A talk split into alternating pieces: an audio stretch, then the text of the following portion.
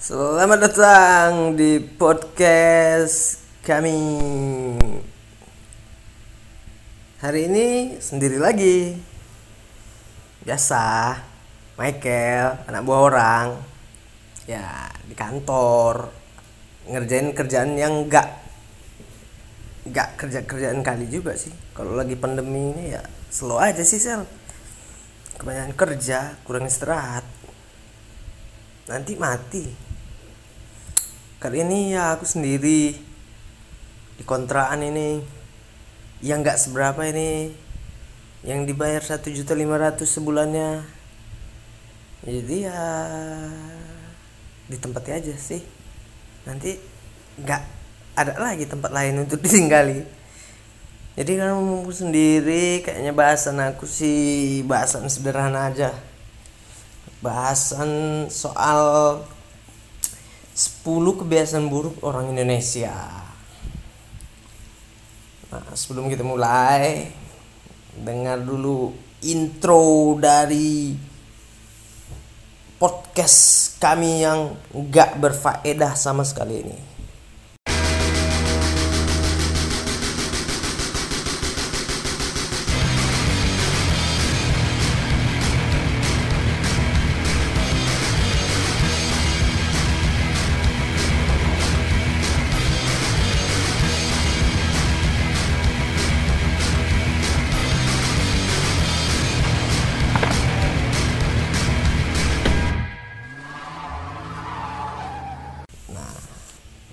Kebiasaan-kebiasaan buruk orang Indonesia itu ada beber, bukan beberapa, ada 10 kebiasaan buruk orang Indonesia menurut IDN Times.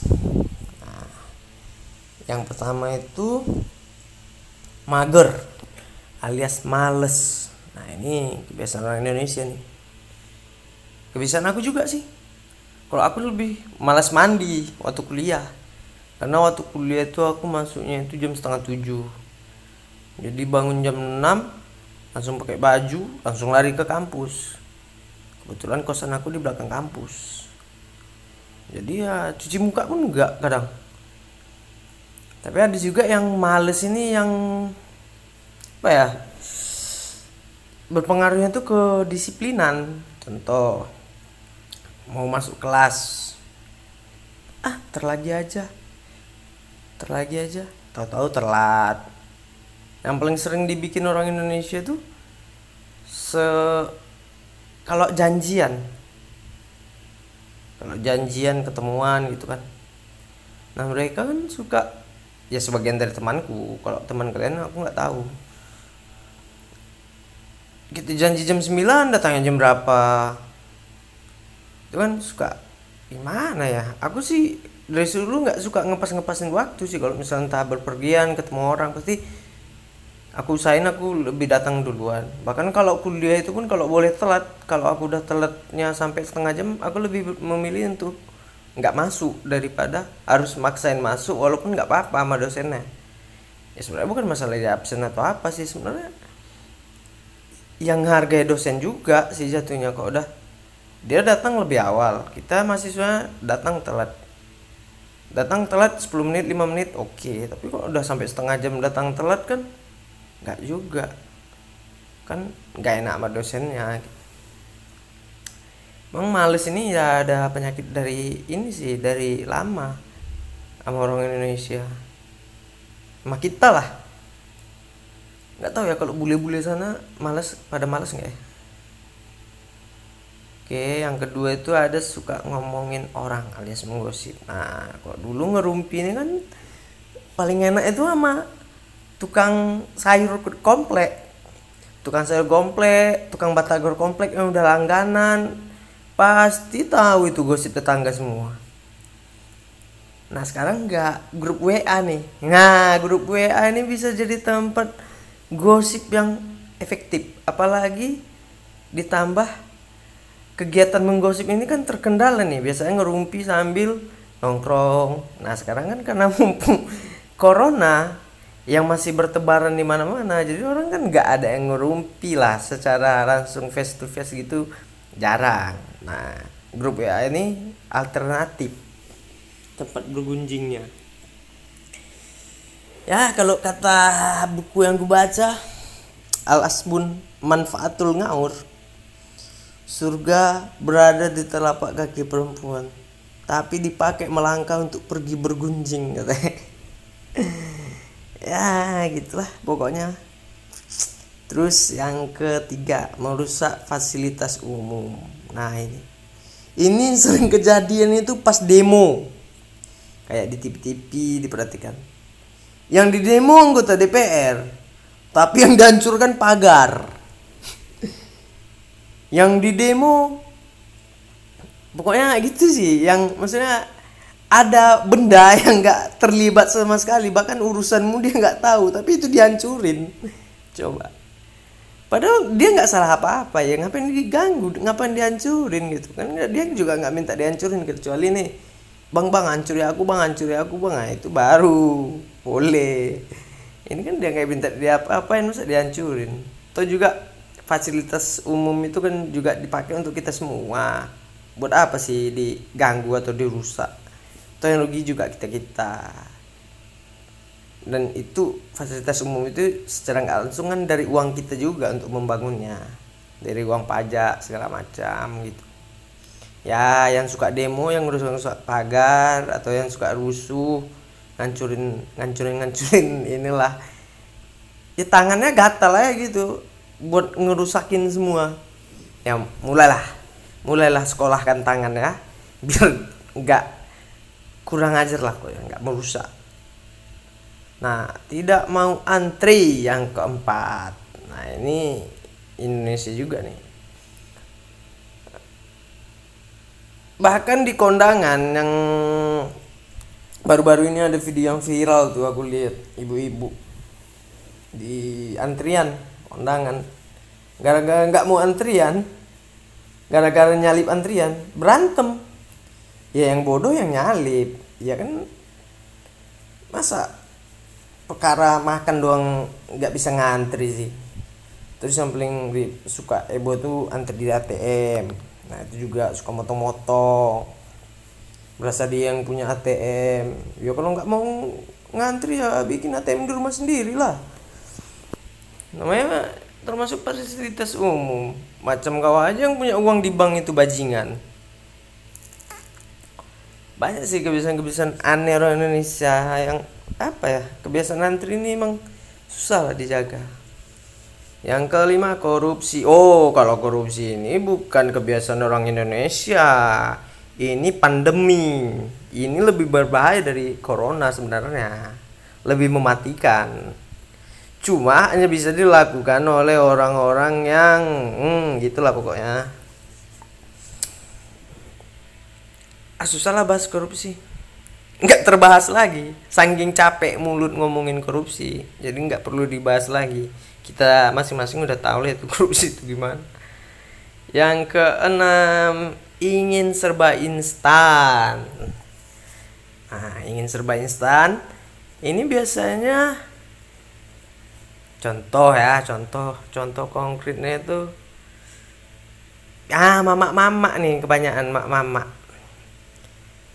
mak mama yang apa ya mendambakan anaknya ketika lulus itu bekerja langsung mendapat jabatan kalau bisa langsung jadi CEO nya perusahaan ala pepeo. Eh mak mama Woi mak mama kalau ada mak mama yang dengar ini dengar nih cakapku ya. Nih lakimu pun memulai semua itu dari nol.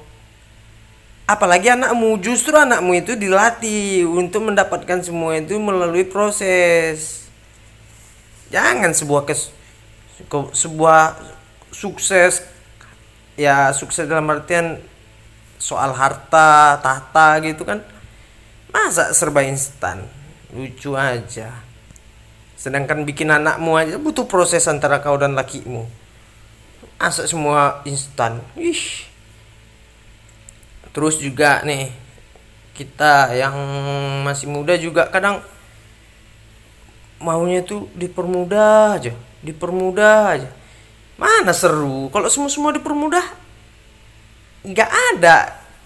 Ya ya nggak ada prosesnya mana enak misal nih kau mau jadi uh, apa manajer di sebuah perusahaan. Bim salah bim abrakadabra jadi lo manajer. Kan anjing? Mana ada yang bisa kayak gitu? Siapa? Kau siapa? Kau siapa? Ya kan? Hah? keturunan raja mana kau? Warna biru apa warna memangnya darahmu warna biru apa? Anak sultan dari mana? Keraton dari mana kau bisa berharap kayak itu serba instan? Iya kalau serba instan semua ya mana ada orang yang susah di dunia ini? Ada orang yang susah ada yang enggak. Itu kan semua udah diatur serba instan serba instan. Ah, kalau skripsi mau instan bayar tukang ketik. Anjing ngetik aja bayar. Astaga ngetik aja bayar. Ngetik lo ngetik. Bukan tulis tangan ngetik lo binatang ngetik. Itu pun bayar itu pun mau instan. Nggak mau ribet nggak mau capek. Ih nggak ngerti lah. Yang ketujuh tidak percaya sama negara sendiri. Nah ini seru nih. Nih. Mengingat kejadian kita beberapa tahun yang lalu. Ya dilema-dilema pilpres. Sebenarnya si presiden kita itu manusia biasa. Siapa pun pilihan kita itu tetap dia manusia biasa. Punya salah punya punya nilai positif punya nilai negatif baik keduanya baik siapa pun calonnya lah mau itu pemilihan RT, RW, lurah, camat, kepala garong, kepala pendekar dari tujuh samudra, ya apa pun itulah namanya. Ya mereka itu manusia biasa bukan nabi gitu loh. Jadi kita memilih mereka berdasarkan pilihan hati, maksudnya berdasarkan pertimbangan-pertimbangan kita. Simpelnya gini, kita hidup bernegara, nggak usah terlalu jauh. Kita hidup bertetangga aja kita kita masih merasa ada kekurangan gitu loh. Apalagi kita hidup bernegara dipimpin oleh satu orang yang memikirkan dari Sabang sampai Merauke.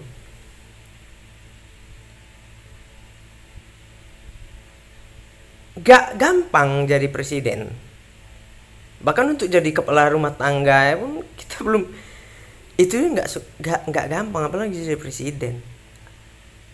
Apalagi masalah negara ini banyak banyak. Dari A sampai Z itu semua ada masalah negara. Aku pernah baca artikel di mana ya perasaan? Seorang presiden itu dikatakan berhasil jika ada 10 sektor yang lagi dikembangannya 70 persennya itu 60 ke 70 persen dia bisa menguasainya. Itu bisa dikatakan presiden yang berhasil. Nah kita sebagai warga negara juga gimana ya? Mungkin sek yang kita mau itu nggak kena di sektornya dia tapi kita jengkel terus kita ngomenin hal yang lain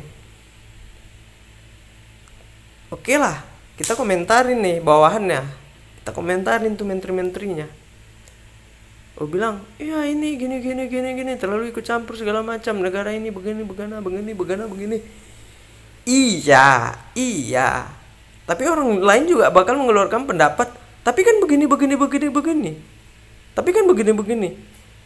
Udah intinya perdebatan nggak akan ada habisnya. Jika kau nengoknya cuma di satu sisi. Sekarang mending kau benahi dirimu untuk menjadi lebih baik. Untuk nggak usah lah mencoba menjadi lebih baik dari dirimu. Jadi lebih baik da dari nggak usah lah berusaha jadi lebih baik dari orang lain berusaha jadi lebih baik dari dirimu yang kemarin itu udah cukup bagus sebenarnya. Daripada ngabisin waktu tuh ngomentarin pemerintah ngomentarin artinya apa? Artinya kok nggak ada kerjaan? Kalau cuma bisa kok berkomentar gitu loh. Aku sih optimis Indonesia ini bakal maju di kemudian hari nah ini nih bekas bos aku di Jakarta pernah bilang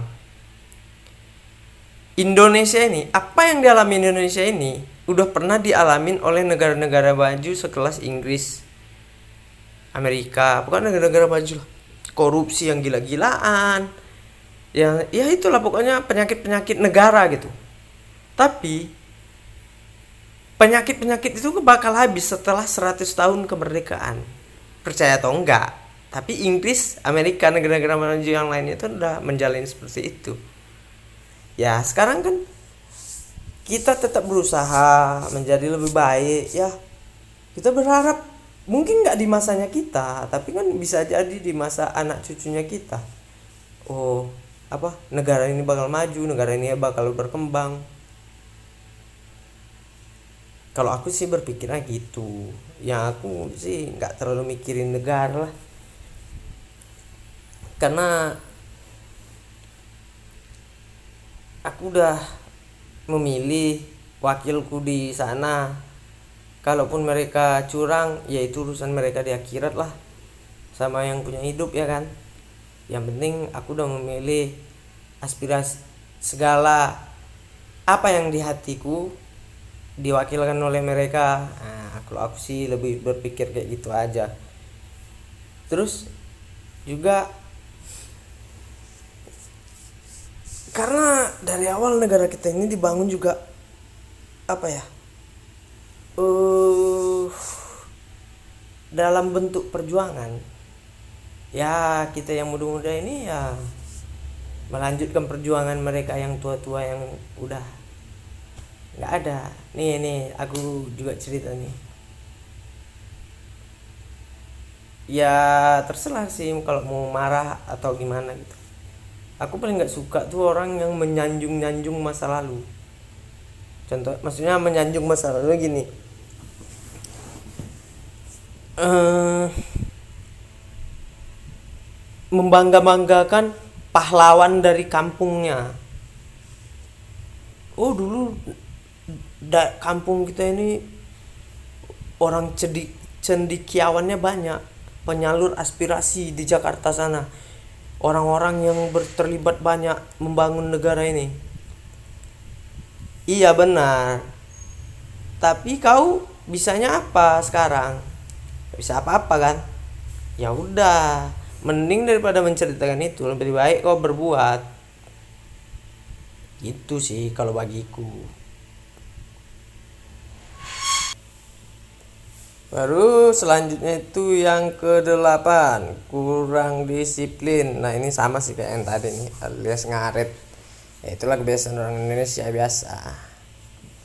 Nggak bisa tepat waktu. Tidak menggunakan helm saat naik motor. Nah ini juga cenderung kita juga masih lah. Yang kayak kayak gini nih masih banyak lagi sekarang sekarang ini tapi nggak juga deh sebagai masyarakat gitu sekarang juga udah banyak yang apa? Yang mau lah. Terus yang terakhir buang puntung rokok dan meludah sembarangan. Ya ini sih. Karena mayoritas banyak juga aku sendiri juga perokok gitu. Kadang juga membuang puntung rokok itu gimana ya? Kadang di mana kita beli merokok tapi nggak ada tong sampah gitu tapi ya sebisa mungkin sih sampahnya dibuang ke tempatnya. Ya kayaknya kalau yang di luar bahasan ini sih kebiasaan buruk orang Indonesia itu apa lagi ya? Uh, ini sih uh, cepat termakan hoax. Orang Indonesia itu. Apalagi mama-mama yang baru pakai smartphone. Hmm. nah itu paling cepat tuh termakan. Hoax berita-berita nggak jelas dimakan sama dia. Dibaca dimakan dipikirkan semalaman. Sampai ke bawah mimpi kan? Konyol. Nah ini untuk mama. Untuk mama dan anak lah. Untuk mama ya dulu untuk mama kalau nerima berita mending ditanya dulu ke anak ini benar apa enggak. Karena banyak berita-berita yang disalurkan karena yang gampang termakan hoax ini memang apa ya? Ya orang-orang tua sih biasanya yang kurang mengikuti perkembangan zaman gitu. Nah mending tanyakan ke anak. Kalau anaknya tahu ya kalau nggak tahu ya ya udahlah makanlah hoax itu berarti. Nah kalau si anak sih saranku sih begitu sih. Kalau untuk menghindari hoax itu ya mending tanyakan sama anak. Atau orang terdekat lah yang menurut sebelum di share itu pastiin dulu itu enggak apa itu beritanya valid sumbernya jelas.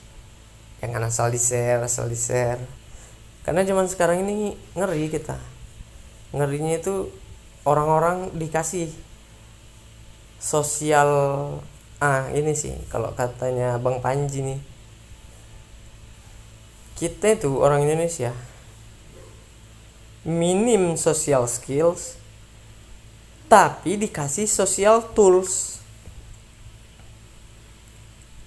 Contoh ngebacot nomor satu kalau di sosmed.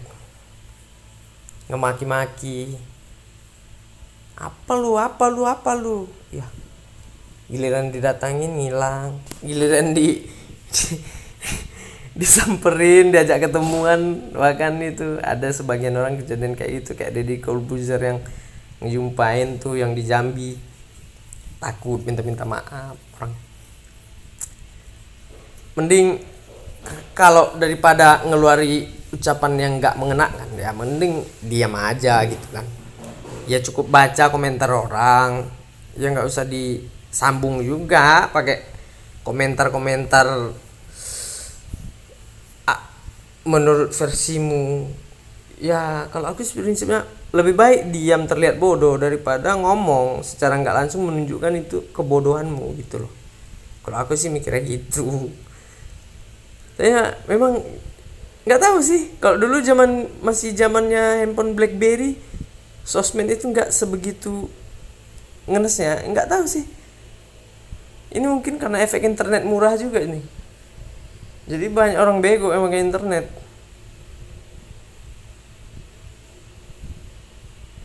Asal jeplak ya kalau ngomong. Ya ketika konteks mungkin antar sesama teman nggak apa-apa ya. Aku biasa gitu. Kadang aku anjingin kawan aku di timeline. Ya tapi teman aku itu teman yang betulan dekat. Nah jadi mereka ah Maggie udah tahu kan sifatnya gimana gitu kelakuannya gimana juga udah pada tahu. Yang masalahnya ini postingan orang yang kita nggak kenal kita komentarin. Terus komentarnya juga aduh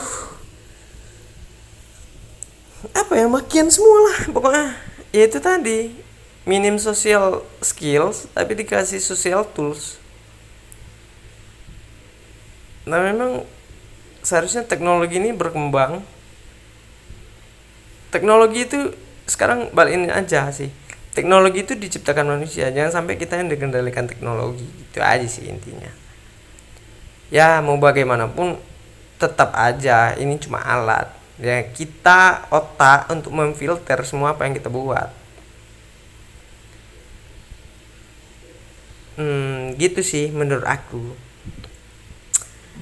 oke kayaknya sekian podcast aku hari ini lah karena besok juga libur hari pasca bagi kawan-kawanku yang merayakan pasca selamat merayakan walaupun nggak bisa ke gereja. Kalau kalian punya request yang mau dibahas bisa DM ke ke nggak aku nggak punya Instagram. Ke Twitter ke Megi Rahma Doni. Doninya itu pakai Y Doni Y gitu. Atau ke Michael Lumban Tobing tapi si Michael lagi nggak ada sih ini. Bisa DM ke dia juga. Kalau kalian punya apa ya requestan untuk apa yang mau dibahas entah soal horor soal bagaimana cara buat anak yang baik dan benar. Kami bisa bantu bahasnya. Nanti kami bikinkan. Kalau kalau ada yang ngajak prakteknya boleh. Tapi mikir-mikir lah nggak usah jadi ngeri corona nggak boleh berhubungan. Oke selamat malam dan semoga baik-baik saja dadah